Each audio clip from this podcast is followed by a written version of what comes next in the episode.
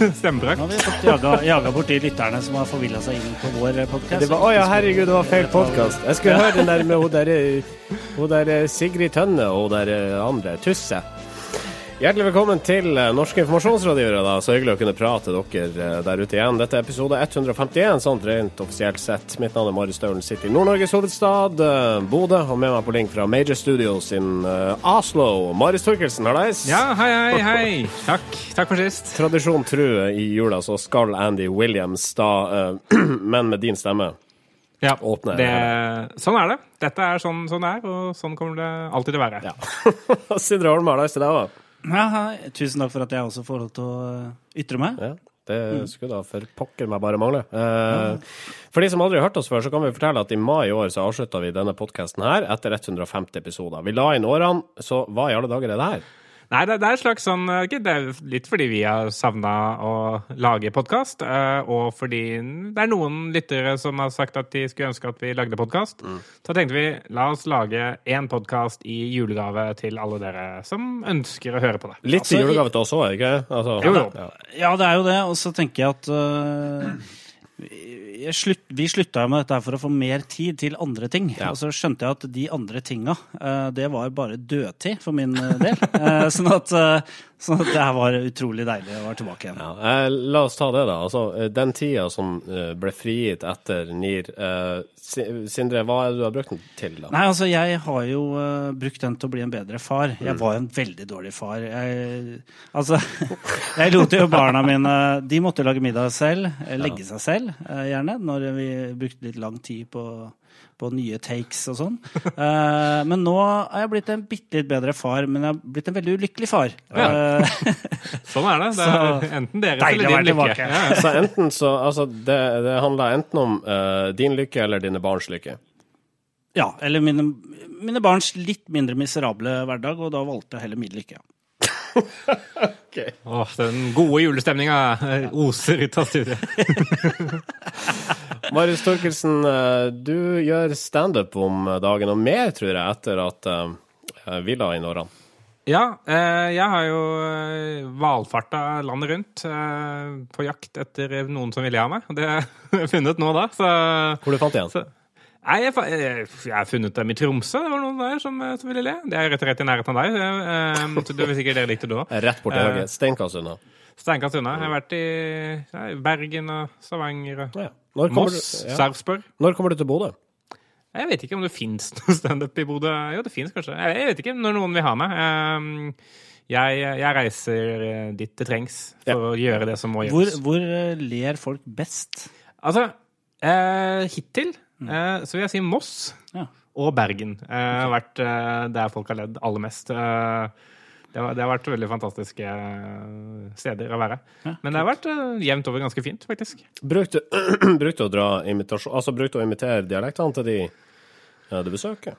Ja, var sånn I Stavanger så var det sånn Jeg er fra Bergen. Eh, nei, Bergen. Jeg, jeg er fra Bergen. Eh, det syns de, ja, det synes de var gøy, da. Ja, For det er stort sett det du sier, og så går det av scenen. Ja, ja. For, det er Jeg er fra Bergen. Jeg har bodd her hele mitt liv. Det er sånn vi prater i Bergen. for jeg har forstått det sånn at det er veldig viktig å gå av scenen når folk ler. Sånn at, eh, er det sånn at du kan, det kan faktisk bare ta noen sekunder før du går av scenen, for å være sikker på at du går Ja, av på altså, liksom oppadgående I, stemning? i, i teori, jeg går jo av på første latter, så i teorien så kan det jo ta noen sekunder. Jeg pleier å ta 20-20 minutter. Cirka. Eh, hvordan skal vi egentlig strukturere denne sendinga her? For vanligvis så tar vi jo tak i det som har skjedd den siste uka, all den tid vi var en ukentlig podkast. Nå eh, skal vi på et vis se på året 2016. Ja, i hvert fall de siste månedene. eh, Og egentlig liksom debatter som kanskje har kommet igjen og igjen, eller noe som, noe som på en måte kanskje har prega litt lengre tidsrom eh, i løpet av 2016. Så Det, det er på en måte litt mer sammenraska Vi har feia sammen noe greier og skal snakke om det. Jeg tror vi prøver å kjøre i gang denne sendinga. Vi får bare prøve. Denne høsten ble det arrangert et slags europamesterskap i PR. Vi snakker om European Excellence Awards, som gikk av stabelen i Berlin. Eh, Hvor det ble delt ut priser i hele 63 kategorier. Og Naturlig nok så henta også norske PR-byråer hjem et antall av de her. Og så skryter de om det på egne blogger og i bransjemedier i etterkant. En av byråene som fikk prisdryss i år, var Gjelmuden Kise. De henta hjem tre av 63 gull. Samtidig er de kritiske til at det er for mange priser i bransjen. De kaller det for gullfeber.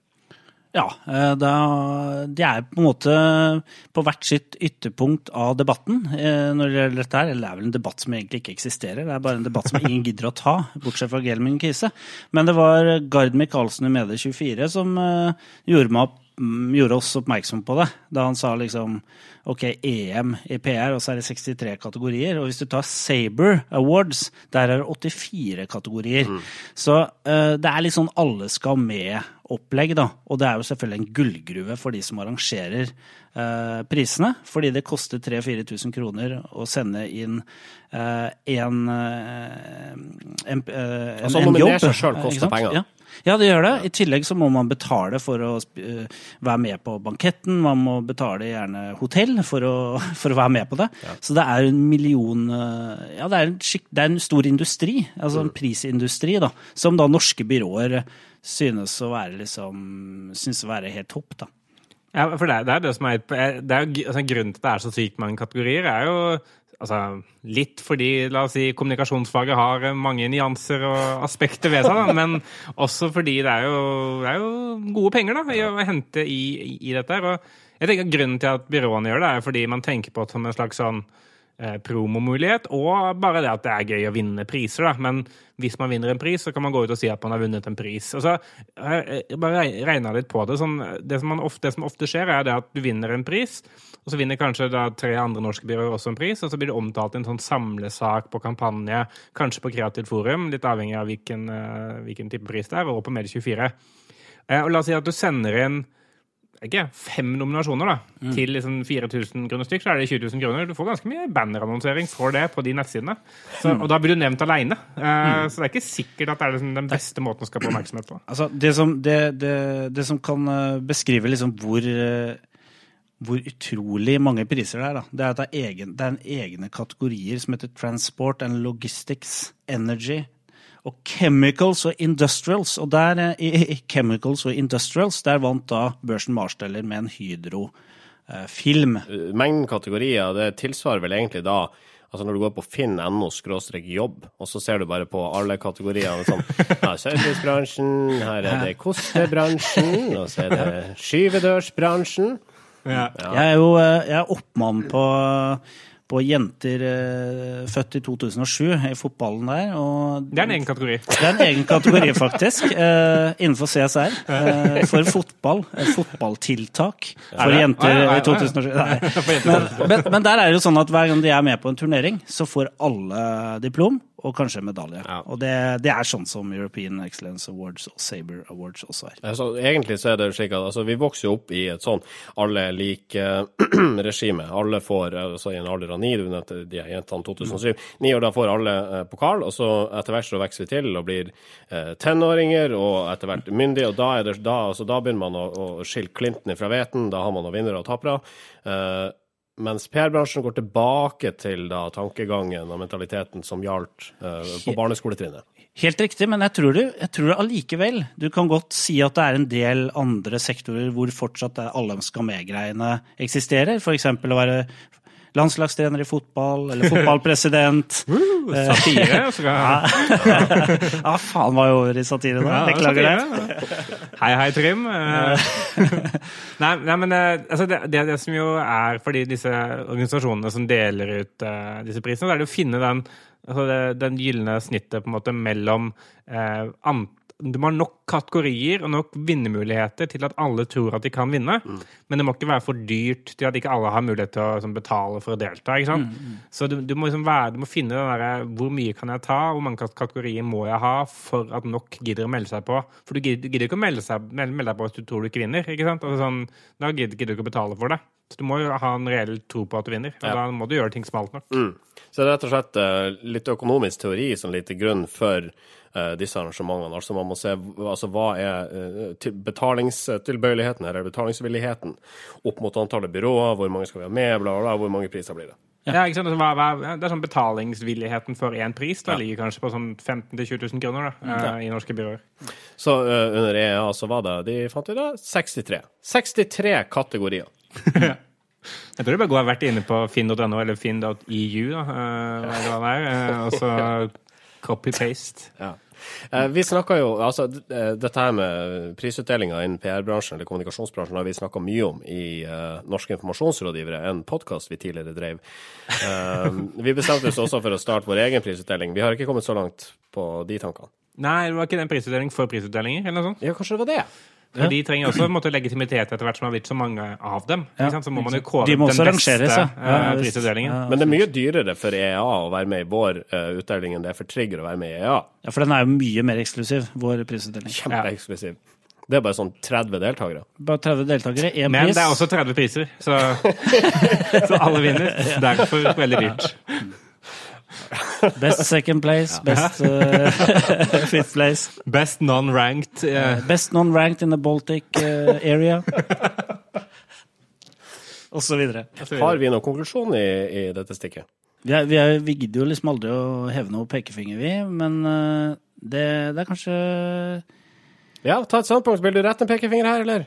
Nei, vi vil ikke det. Altså, jeg- Eh, jeg, jeg- vil bare, eh, jeg vil bare installere en sånn eh, price-blokk, altså en type prisutdelingsblokk som en svar på adblocken, hvis det er mulig. Noen kan lage det, sånn at jeg slipper å lese de sakene i bransjebordet. Norske informasjonsrådgivere. Byrået Trigger skal ikke lenger drive med kommunikasjon, men med utvikling. Det var i alle fall det Preben Karlsen proklamerte i en takketale under Gullkornutdelinga på Latter i november. Vi skal først og fremst hjelpe våre oppdragsgivere med å ta de grepene de trenger å ta for å bli i stand til å møte en framtid som er så radikalt annerledes enn alt annet de har blitt stilt overfor, sier Karlsen ifølge kampanje. Eh, Han varsla varsler at hans byrå kommer til å ta grep nå for å utvikle seg, sånn at de ikke blir eh, marginalisert i framtida. Ja, det, Det er lange setninger fra Preben Karlsen. Ja, det, mye lenger enn det pleide. Uh, Trigger uh, Hva skal jeg si? Altså, de, de har jo virkelig lyktes uh, på alt de har gjort. Og sånn sett så er det jo rent sånn kommunikasjonsmessig, taktisk, kanskje viktig å vise at man ikke er fornøyd. Da. At man vil utvikle seg videre og, og vil bli, bli noe annet eh, enn det man er. Og, og på, sånn- på den måten posisjonere seg effektivt bort fra de som mener de er konkurrenter. Eh, jeg er bare usikker på om det er mer enn prat. Da. Sånn, jeg jeg, jeg opplever det kanskje først og fremst som posisjonering, ikke så mye som en reell endring i hvordan de skal jobbe på. Fordi det de har vært veldig gode på, jo, og som de er gode på, er jo først og fremst å lage Kall det eventer eller happenings som får mye oppmerksomhet på en eller annen måte. Da. Eh, og, og det de ikke er kjent for, er jo endringskommunikasjon og, og utvikling av virksomheter, eh, vil jeg si. Det som jeg syns er litt spesielt her, er jo at han eh, Trigger er jo bygd opp som et, eh, et PR-byrå med, med ganske tverrfa, tverrfaglig kompetanse, tror jeg. De har henta mye folk fra reklamebransjen og sånn også. Så det er vel et, er vel et uh, kommunikasjonsbyrå. Men når de da skal posisjonere seg som, noe helt annet, som et uh, slags jeg vet ikke, eh, innovasjon, altså utviklingsbyrå, som de kaller det, så sitter de allikevel da med en stor gjeng med kommunikasjonsfolk in-house. Altså hvordan skal de omskolere disse folka, lurer jeg litt på. fordi at det finnes jo Det fins absolutt byråer i, i bransjen som eh, jobber i skjæringspunktet mellom produktutvikling, eh, og, og kommunikasjon, sånn som det her Bakken og Beck for eksempel, som er et sånt, eh, Men det er ofte teknologibyråer, for de Ja. driver med utvikling. De driver og utvikler nye tjenester eh, for kunder, i tillegg til å drive med kommunikasjon. Så hvis det er den veien Trigger skal, så er jo det ikke så veldig revolusjonerende. Men hvis det er noe helt annet de skal, så blir det jo så, så er det jo veldig spennende, med tanke på at de faktisk har eh, en, eh, veldig mange kommunikasjonshoder eh, ansatt, da, som jo kan det først og fremst, vil jeg tro. Jeg tenker at jeg, altså, jeg misunner uh, Preben Karlsen med flere, at altså, de, de har så utrolig, altså, enkelte har så utrolig mye på hjertet, uh, og uh, så veldig store tanker om altså, kommunikasjonsfaget, og jeg detter av veldig fort. så jeg klarer ikke å henge Hva, er- hva er det du prater om? Nei, det, det er det jeg ikke skjønner. Ja, for meg så virker dette her kanskje først og fremst, som jeg sa, som posisjonering av trigger. da. Eh, og, og at eh, det fortsatt skal være spennende å jobbe med trigger. Og at eh, det skal være noe annet å jobbe med trigger enn å jobbe med et eller annet reklamebyrå eller et eller annet PR-byrå. Eh, de skal være noe annet. Eh, og, og sånn sett så er det jo veldig sånn effektivt grep å si farvel til kommunikasjonsbransjen når du mottar kommunikasjonsbransjens ærespris på kommunikasjonsbransjens eh, viktigste prisutdeling i Norge mm. det året. Så, så det, er jo, det er jo kanskje først og fremst liksom smart uh, smart liksom iscenesetting av et eller annet. Da. mm. Også, også, jeg klarer ikke å lese det som noe annet enn bare prat. Uh, fordi jeg ikke har sett noen beviser på at jeg har gjort det ennå. Hvis de han- leverer det, så er det jo, det er det noe annet. Ja, han, men han sier altså, de siste tre årene har vi fått lov til å være med på posisjonering av virksomheter. Det krever økt kompetanse på innsikt og analyser. Eh, og eh, disse oppdagelsene har gjort at de har endra konseptet totalt. Innsikt og analyse er vel en ganske viktig del av ganske mange kommunikasjonsrådgiveres hverdag. I dag, Ja, i altså, hvert fall. Ja, altså vi, I Starcom så har vi en egen innsiktsavdeling på rundt ti, ti personer. Mm. Så vi jobber jo ja, vi jobber mye med innsikt eh, for kundene våre. Så, så det, er liksom, det er ikke noe nytt eh, for oss. Men eh, det, jeg tenker, det jeg tenker på, er jo eh, at det, det er nok Jeg skjønner på en måte hva han snakker om. For det å være et markeds-PR-byrå i dag, det er noe ganske annet enn det var for noen år siden. På hvilken måte? Eh, jo, på, på den måten at veldig mye markeds-PR er jo Facebook eh, i dag. Eh, og, man, og det å selge inn saker til journalister og sånn, det er litt sånn ikke så eh, interessant lenger. Nei, så da må du men konseptet posisjonere bak uansett. Altså, eh, altså, du tar det fra en plattform til en annen. Ok, greit, så trenger du ikke Mm. de som er veldig flinke å selge inn til en journalist. Men altså, konseptet bak må jo være like forbaska godt uansett. Ja, og jeg tror sånn, hvis jeg hadde vært eh, et eh, vanlig kall det markeds-PR-byrå, da, eller et byrå som var veldig god på å få saker på trykk, eh, så ville jeg vært glad over at Trigger beveger seg bort og måtte, vil noe annet. Fordi det gjør at man bare må være veldig gode på liksom, den kjerneferdigheten som, som en del PR-byråer liksom, prøver å definere seg bort fra. Da. Det, det tror jeg kan Ja. ha en større styrke enn det hadde før. Da. Jeg tror i hvert fall at eh, veldig mye kommunikasjon som f- eh, veldig, mange, veldig mye kommunikasjon som før var veldig sånn ren PR-konsepter, er, har noe betalt i seg. Da. Eh, altså, du kommer ikke uten, utenom betalt kommunikasjon hvis du skal få til noe, hvis du skal bli synlig. Så det er liksom den der gamle, gamle, i hvert fall gamle markeds-PR-tankegangen tror jeg er liksom eh, litt vanskelig å holde på med fortsatt. Og da har du valget. Skal du drive med liksom PR i den der myndighetskontakt eh, på den måten, eller skal du gjøre noe nytt og utvikle deg videre? Jeg, jeg, jeg tror liksom det markeds-PR eh, eller, altså, det der å få omtale på ting, da, eh, fungerer gitt at forutsetningene rundt er riktige. Altså, jeg, jeg tror ikke på, på det som kalles erstatning for at en stor virksomhet skal lansere et eller annet, eller, eller liksom for å få oppmerksomhet over tid. Men det der for f.eks. å bygge kunnskap rundt et eller annet element som ved virksomheten din som folk ikke vet om, eller ved et produkt, eller introdusere Eh, For eksempel, jeg synes det der sjokoladehus-caset til Freia SMFB, tror jeg. ja, eh, hvem som har vært bare med på det.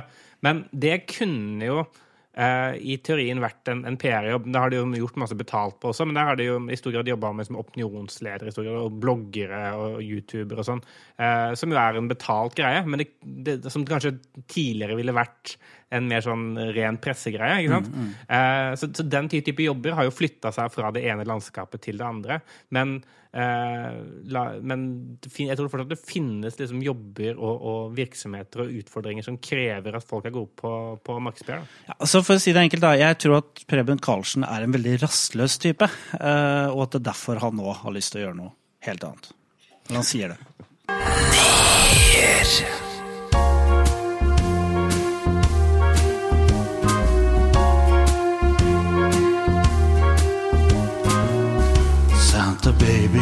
baby, just slip a sable under the tree for me. Being an awful good girl, Santa baby, and hurry down the chimney tonight. Det er det jeg lurte på med din tolkning av Santa Baby, Sindre. Du går ett oktav opp helt på slutten der. Eh, ja, det er for å få eh, vist repertoaret mitt, egentlig. Eh, Det er sånn der, Da har juryen sagt i Idol eh, sånn, Jeg var litt sånn usikker i starten, men når du treffer de høye tonene, da, da har du meg. jeg- gåsehud. yes. Altså, hadde det vært meg som hadde sittet i Idol-juryen, så hadde jeg sagt dessverre, du er ikke videre til Oslo. Men du skal ha takk for forsøket. Uh, det, det var vel ikke noe Skal jeg takke for, for det du sa der? Altså, det var vel ikke så veldig positivt. Her utleverer Sindre seg til fulle. men det var jo det Idol ble kjent for i sin tid. Det var jo uh, artister som ikke kunne synge, og uh, dommere som kjefta på dem av det faktum. Ja, det var jo det som var gøy Ja. med Idol. Men se hvordan, se hvordan eh, de her talentshowene har forandra seg da, gjennom, gjennom årene. Fra første Idol-sending i Norge. Da var det, hvis vi drar det enda lenger, første Idol-sending noensinne med Simon Cowell som satt i panelet og kjefta ut deltakere. Til Ja. nå. Det er ikke så mye kjefting lenger. Det er mye gråting. Bjørne Brøndbo skal være med i Norske, norske Talenter. Det er mer raushet nå, vet du. Ja, Det er ikke klima lenger for det, det, ikke å det. gjøre narr av folk. Det er mobbing, det, vet du, å gjøre narr av folk nå. Ja. Det blir fort eh, indignerte leserinnlegg og slikt. ja, det gjør det. Ja. Så folk heller vil bli rørt da, og føle noe. Vi vil ha en stygg eh, mann på scenen som ingen tror kan synge, og så bare wow, han kan jo synge. Men er ikke skadefryd den beste følelsen? Eh, jo, altså den er høyt oppe. Men Askeladd-følelsen er også viktig. Ja, det er sant, det. Det kunne vært oss-følelsen. ja. Men kunne det vært oss? Nei. Nei. Aldri. Nei, nei, det er det ikke. All right. Ehm, luring, eller bløff, som reklamegrep ble heftig diskutert i kjølvannet av Kristoffer Joners eh, tilsynelatende selvskrevne innlegg om NOAS og Sylvi Listhaug. Kort fortalt, Joner oppfordra eh, på Facebook folk til å donere penger til NOAS under Sylvi Listhaugs navn ved å sende en SMS. Jeg tror det var vel Sylvi de skulle sende. Noe som da ville føre til at innvandringsministeren vår fikk et takkekort i posten. Luring av medier for å skaffe omtale har vært omtalt uh, før. Og Ofte er det reklamebyråer som står bak disse kampanjene. Vi kan nevne i fleng eh, Lotto-Fredrik i regi av Try, The Secret Coffee Shop i regi av We Are Live, da for Coop.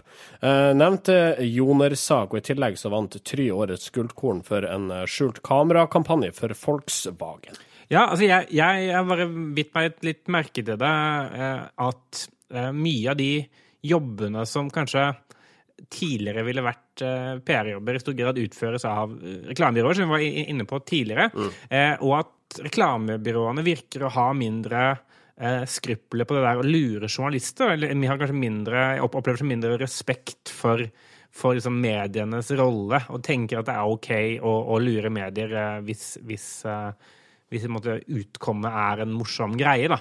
Eh, og- Jeg vil bare stoppe deg bare for å høre om utkommet, om det er det, den beste oversettelsen av outcome. Eh, utkom er jo ikke et ord. Det er jeg enig i det, for så vidt. Utfall, kanskje.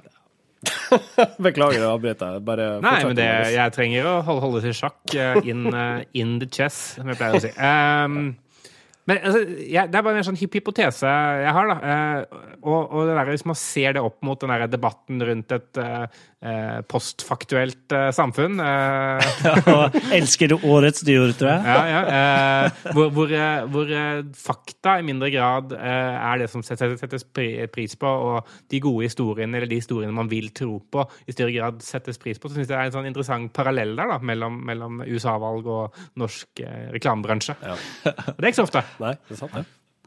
Eh, Du mener altså at anorakk er på en måte en, uh, Norges svar på Trump, er det du sier? Nei, eh, jeg mener at eh, anorakk er eh, et mer sånn tegn i tiden på, på det der at det er lett, lettere enn noen gang å skape nyheter, eh, eller få saker til å virke sanne, fordi nyhetsbildet er mer fragmentert enn noensinne. Og det der, den der tiden hvor du var avhengig av en journalist for å få noe på trykk, er borte. Som betyr at du egentlig kan poste noe på, på Facebook eller sosiale medier, og så tror folk på det helt til det eventuelt blir avslørt at det ikke var sant, men da kan det være for seint. Jeg, jeg, jeg tror jeg har en liten teori på hvorfor det er en del sånne jobber. Eh, fordi veldig mange bruker Facebook for å spre denne typen jobber. Og der er det noe sånt som der sier Facebook at du har 1,7 sekunder på deg til å fange oppmerksomheten. Eh, og skal du fange oppmerksomheten, så kan du ikke bygge opp eh, kommunikasjonen din eller, eller reklamefilmen din på tradisjonelt vis. At du på en måte skal, bygger opp den kjempegod stemning, og, det, og så kommer liksom logoen helt på slutten etter 60 sekunder. Her må du være ganske kjapt på. Du må liksom du må huke tak i seeren umiddelbart. Da.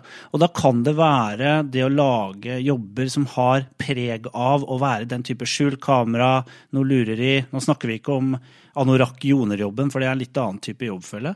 Men den type jobber som er skjult kamera-elementer i seg, det at man lurer noen og iscenesetter noe, det blir mye mer vanlig fordi at uh, de nye plattformer som Facebook krever at du kommer til poenget utrolig kjapt, eller at du klarer å bruke maks tre-fire sekunder da, uh, før du uh, Eller du kan ikke bruke mer enn tre-fire sekunder. Ja, altså, jeg, jeg, tror du har helt rett i det. At, at, nødt at kravet til å bli lagt merke til med en gang er større enn noensinne. Men jeg tror også det at, at liksom grunnen til at hvis en, en, ting er de, de, de skjult kamerajobbene. og Jeg syns jo det er litt sånn, på en måte litt sånn fallitt erklæring til gullkorn at det er en sånn type jobb som vinner av, av Try. Nå har de jo åpna for alle og, og, på en måte tenkt at da, da får de flere innlegg.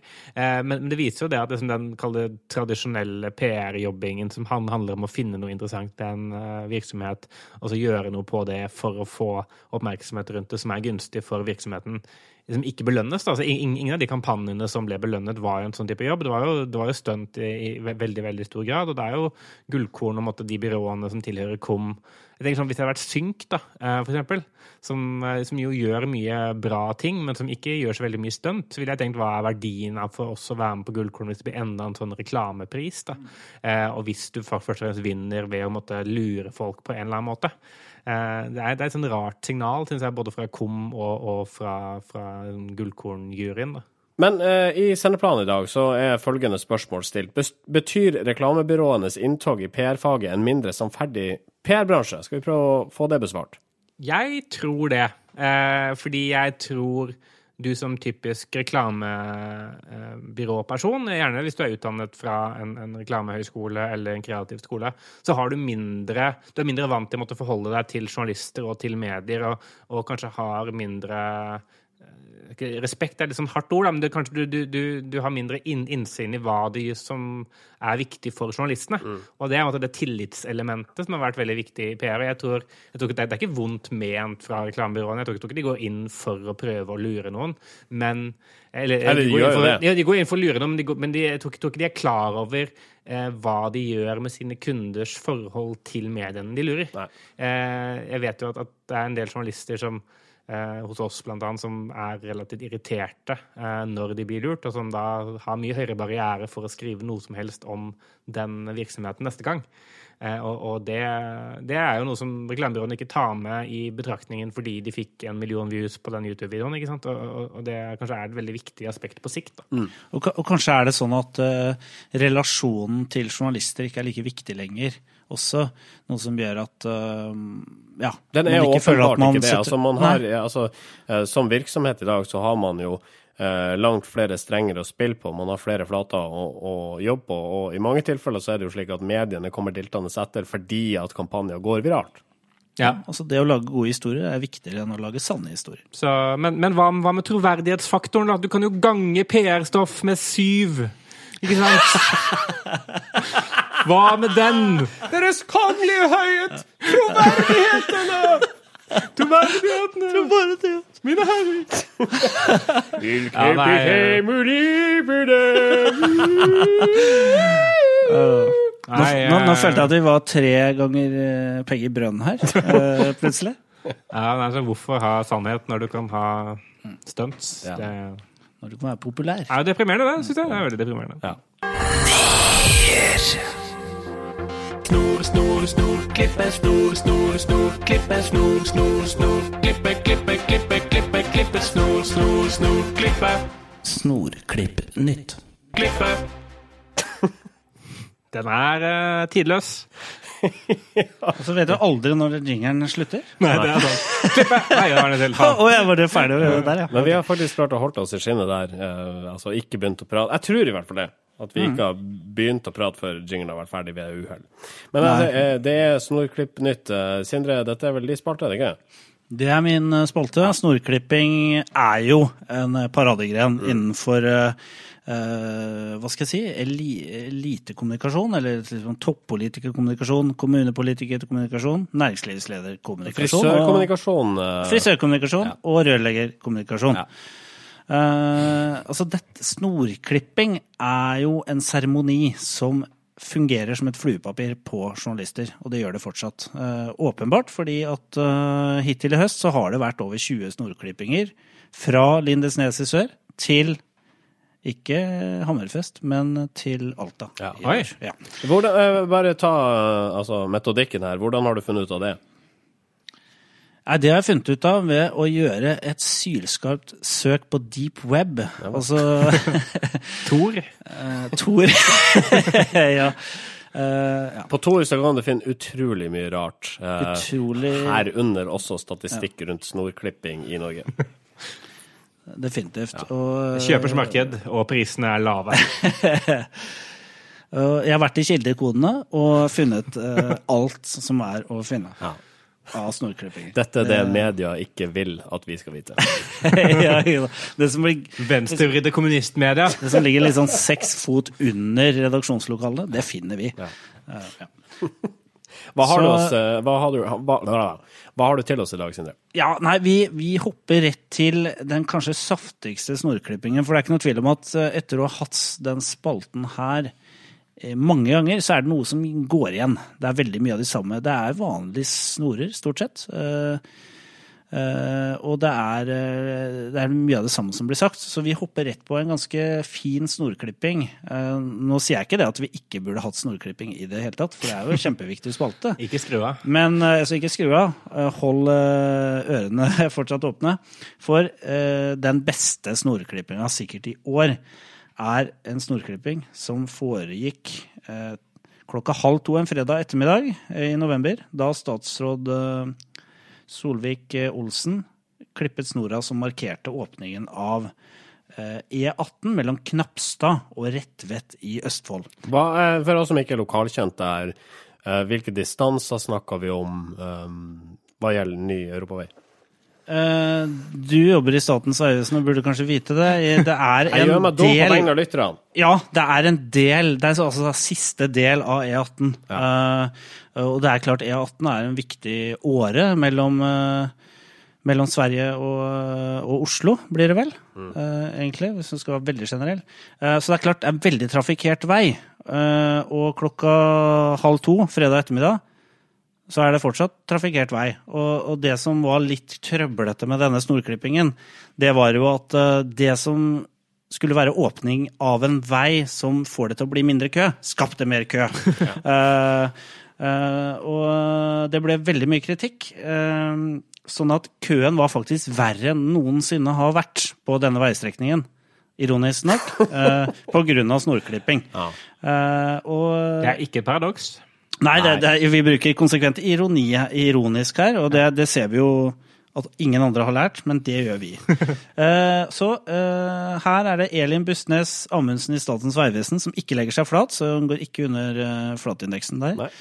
Hun sier at det hadde vært litt mindre kø om vi la dette på et annet tidspunkt, men neppe køfritt. Kanskje hadde det vært best å gjøre dette nattetid, Eller en helg. men det er mange som syns det er litt, leit at man åpner midt på natta. Så tror jeg kanskje ikke du hadde fått journalistene til å dekke det, og da hadde ikke vi snakka om det her i NIR. Jeg tror ikke Ket, eh, altså Ketil Solvik-Olsen hadde giddet å komme på nattestid heller. Var sånn, Han eh, har døgnrytme som oss andre. det var sånn det var jo, Han har vært veldig opp, opptatt av det, å få nok søvn. Det var jo etter en sånn søvnmangel at han mista J-en i fornavnet sitt.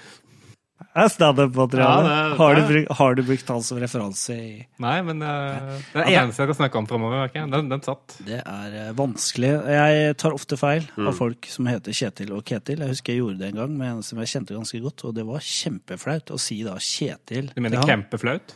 Kjempeflaut. ja. Det er Ke Ketil Raknes, da, for å dra en mann Ja, inn i det her som vi har Det var faktisk, det var faktisk Ketil Raknes, som jeg da kalte for Kjetil Raknes. Ja. Sa han det til deg? Nei, jeg, jeg oppdaga det sjøl. Han, han kommenterte det det, aldri er- sjøl. det er i orden, sa han.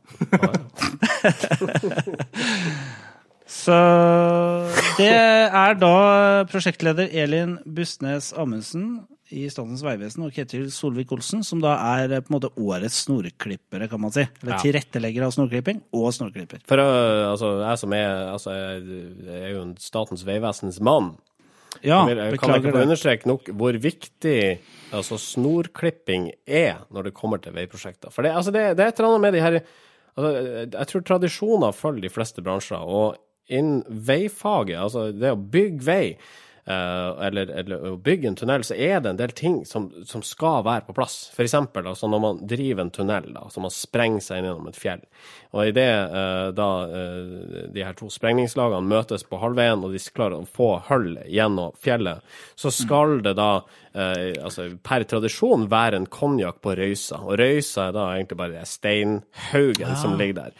Så det er en av de der eh, mange tradisjonene. Og eh, snorklipping er en av de viktige tradisjonene. Og den, den, eh, den samler en del folk òg, skjønner du. For at, mm. la oss nå ikke glemme at infrastrukturen i dette landet er noe av det viktigste vi har. Vi glemte å si at denne sendingen er sponset av Statens vegvesen. Ja, det, det glemte jeg kanskje å si. Eh, Nå lager vi jo en egen podkast her om snorklipping, men, men jeg må spørre en gang til. Eh, Hender det noen ganger at dere gir eksklusivitet til medier for snorklipping, og sier at andre medier nei, den veien er ikke ferdig, den, den, nei da, det- den er ikke ferdig ennå. Vi sier ifra når den er ferdig. Vi har, vi har ikke særlig mye eksklusivitet hos oss. Åpenhet, åpenhet og snorklipping. Det er fire Det er de fire er elementer som vi ja, ligger Fire elementer, ja. ja ikke sant? Andre har jord, ild, osv. Ild, luft og jord og vann. Ja, altså det er enkelte sånn bad boys som har breaking, skating, tagging og rapping. Ja, ja, stemmer. Fire, Fire elementer. elementer. Ja, ja. Hold det nede. Er det nå du skal fortelle om hiphop-karrieren din, Marius? Jeg har ikke fortalt om den før, men eh, jo, jeg, jo, jeg har, jeg har en bak bakgrunn som, eh, som de- eh, rap eh, Nei, nå skal jeg ikke skal jeg si det uronisk. uironisk. Jeg, jeg lagde rap da jeg var yngre, eh, og ble overraskende flink til det. Ja. Hva var det bandet ditt var kalt? Eh, Det har hett, het mange ting. Eh, I starten så het det Masker, eh, fordi jeg og kompisen min Thomas, som hadde rappgruppa, vi hadde begge luer med masker på okay. når vi kom på at vi skulle lage rappgruppe. Eh, og så oppbytta vi navn til Gult hus, fordi vi begge bodde i et gult hus. Eh, og så bytta vi til den endelige formen, da, som var latskap, med H på slutten, for å vise hvor late vi var. da. Wow. Med en sånn observasjonsnavn? Ja, ja, OK, vi bor begge i Gulthus. OK, greit. Altså var det litt sånn, så jeg tenkte, jeg tenkte det var litt kult å ha et sånn ironisk navn, tror jeg. Sånn Gult hus er sånn ukult, da. Eh, og, og rap skal være så jævlig kult. Eh, så det er sånn det var et slags sånn spark, da. til det Aldri tenkt på at eh, gult hus er ukult, men uh... Ja, men det er jo mye mindre kult enn NWA, for eksempel. Vel, er vi ferdige med det stikket? Hvor, eh, hva? Ja, det var Snorklipp-nytt vi hadde. Ja, Ja, ja, ja. er. Statens vegvesen tok den. Store slem til Statens Ja, vegvesen. Storeslem. Ja. Det er faktisk ganske stolt av. Ni av ti nordmenn elsker Et representativt utvalg av nordlendinger viser at Sørlendinger mest skeptisk til Volvo. hordalendinger best i senga. Kvinner mest opptatt av mild. Oppland på brokkolitoppen. Ukas undersøkelse. Ja, vi eh, tar nok en spalte vi egentlig ikke har så Eller egentlig ikke hadde så ofte i Norske informasjonsrådgivere mens vi var på lufta. Ukas undersøkelse, Marius Torkelsen. Eh, ja, denne, denne undersøkelsen er gravd frem av den eminente Sindre Holme. Men eh, jeg, jeg tar eh, lead på den, og så får Sindre supplere underveis. Eh, ukas undersøkelse er jo en spalte for å hedre eh, undersøkelse som eh, markeds-PR-grep. Eh, når du ikke trenger å lure, da kan du bare få en undersøkelse lagd som viser at noen mener noe, noe mer enn noen andre, og da har du vinklinger her og der. Eh, ukens sak eh, fant vi på vil si det er et, et uh, nisjenettsted. Det er Nea radio. Eh, også, også Near Radio, eh, litt avhengig av hvordan man uttaler Men Nea radio. og det er en undersøkelse s- gjennomført av Hugov, analyseinstituttet Hugov, for rengjøringsselskapet og kantinedriftsselskapet ISS. Eh, og den viser det at en tredjedel av nordmenn, eller oss, står det da, lufter dyna maksimalt én gang i året. Ja, for- Da blir jeg et spørsmålstegn. Er det bra eller dårlig, eller hva? Hvor ofte skal du lufte dyna, egentlig? Nei, altså, Overskriften er en tredjedel av, eh, av eh, oss eh, lufter dyna maksimalt én gang i året, viser en ny undersøkelse. Hvordan holder du da midden unna sengetøyet? spørsmålstegn? Eh, så, tydelig, så Den insinuerer jo at det blir midd i sengetøyet hvis du kun lufter den en tredjedel, eller én gang i året. Eh, og, og det betyr at en tredjedel av oss har midd. Det som er litt spesielt med saken, er at det er liksom ikke noen konklusjon. Det er jo ISS, det er eh, rengjøringsselskapet, som har kjøpt denne undersøkelsen av Hugo, antageligvis via et PR-byrå som har tatt seg godt betalt. Så det, så, så det eh, altså, ISS sier jo hva som er riktig hyppighet for lufting, vil avhenge av bruken. Og det syns jeg var litt sånn pussig svar, fordi at de aller fleste bruker dyna hver dag.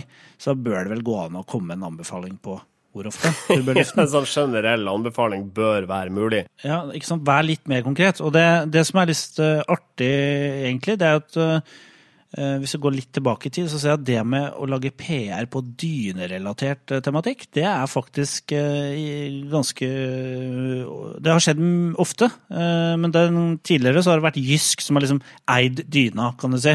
Mm. og da har de vært veldig opptatt av hvor ofte dyna skal vaskes. Ja. Ja. Og den bør vaskes én gang i året. Jeg, jeg bare vil også si at eh, Det er en annen kilde i denne saken også. Det er Norges Astma- og Allergiforbund, eh, NAF. Eh, og de, de sier at det er 14% av befolkningen som er allergisk mot midd. Eh, så hvis da halvparten, nei, en tredjedel lufter én gang i året, og det gir midd, så betyr det at halvparten av de igjen burde lufte mer, da. Så 14% av befolkningen burde lufte mer enn én gang i året. Men dette viser jo at eh, markeds-PR, det holder stand. Altså, Du får ikke sak på Inea radio, mindre du kjenner din markeds-PR ABC.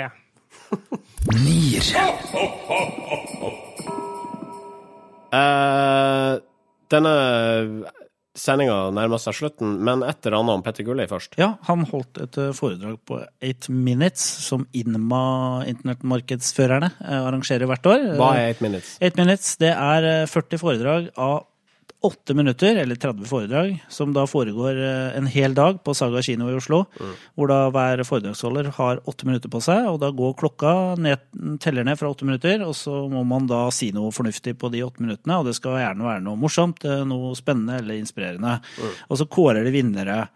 Og da vant Petter Gulli, og han holdt et foredrag hvor han eh, Han er alltid veldig spissformulert, så han eh, stilte spørsmålet må, vi si, bør vi si opp jobbene våre, og henvendte seg da til hele markedsføringsbransjen, kan du si. For han mente at eh, vi må være litt mer kritiske til hva vi promoterer. For han mener vi vi er veldig opptatt av å, å hjelpe kundene våre og selge mer eh, pannekaker på Black Friday osv.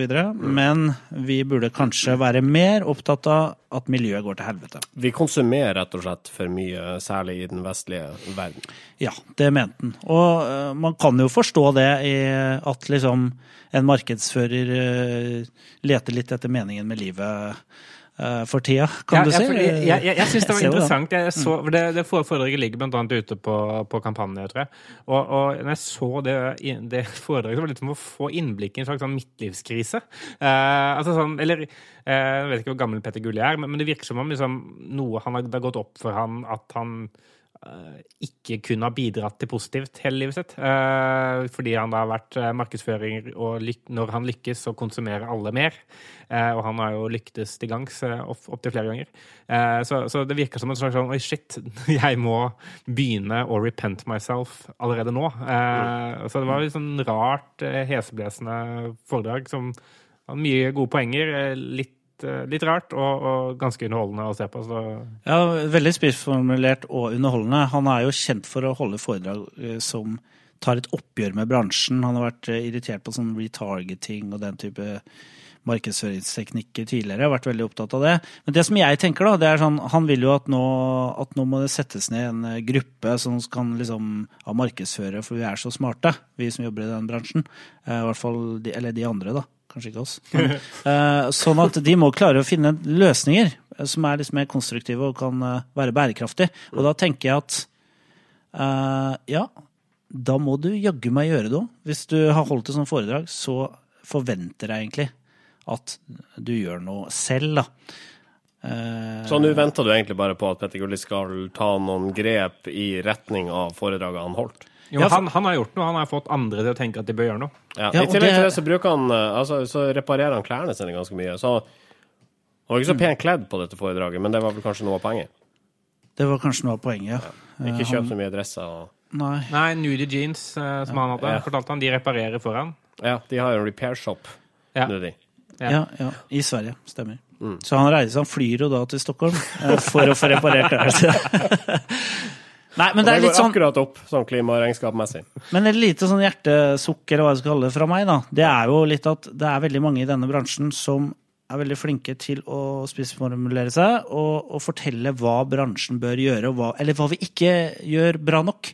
Og da mener jeg alle de som holder foredrag om eh, hvor dårlig bransjen er og hvor mye feil vi gjør, de må ta grep selv og gå foran og faktisk gjøre noe. For det å snakke om det, det, er, det holder ikke. da. Gjelder, det, gjelder det oss? Nei, Det gjelder ikke oss. Vi, tatt, vi, unntak, eh, vi, har, vi har fått eh, unntak fra den regelen der. Ja, vi har tatt i bruk unntaksbestemmelser for å slippe unna de forpliktelsene som ligger i det faktisk å gjøre noe. Digg. Uh, dette her er jo en slags oppsummering av i hvert fall noen deler av 2016 i fravær av uh, ukentlige NIR-episoder. Eh, men samtidig så er det jo en julespesial pga. tidspunktet den slippes på, og det er eh, en del tradisjoner som må holdes i hevd. Så jeg sier eh, takk for nå. Takk for nå. Takk for nå. Ja. Så skal Sindre og Marius uh, synge litt til oss uh, ved utgangen av denne sendinga. I saw mommy kissing Santa Claus underneath the mistletoe last night. She, she didn't see me creep down the stairs to have a peep. She thought that I was tucked up in my bedroom fast asleep. Then I saw mommy kissing Santa Claus underneath his beard so snowy white.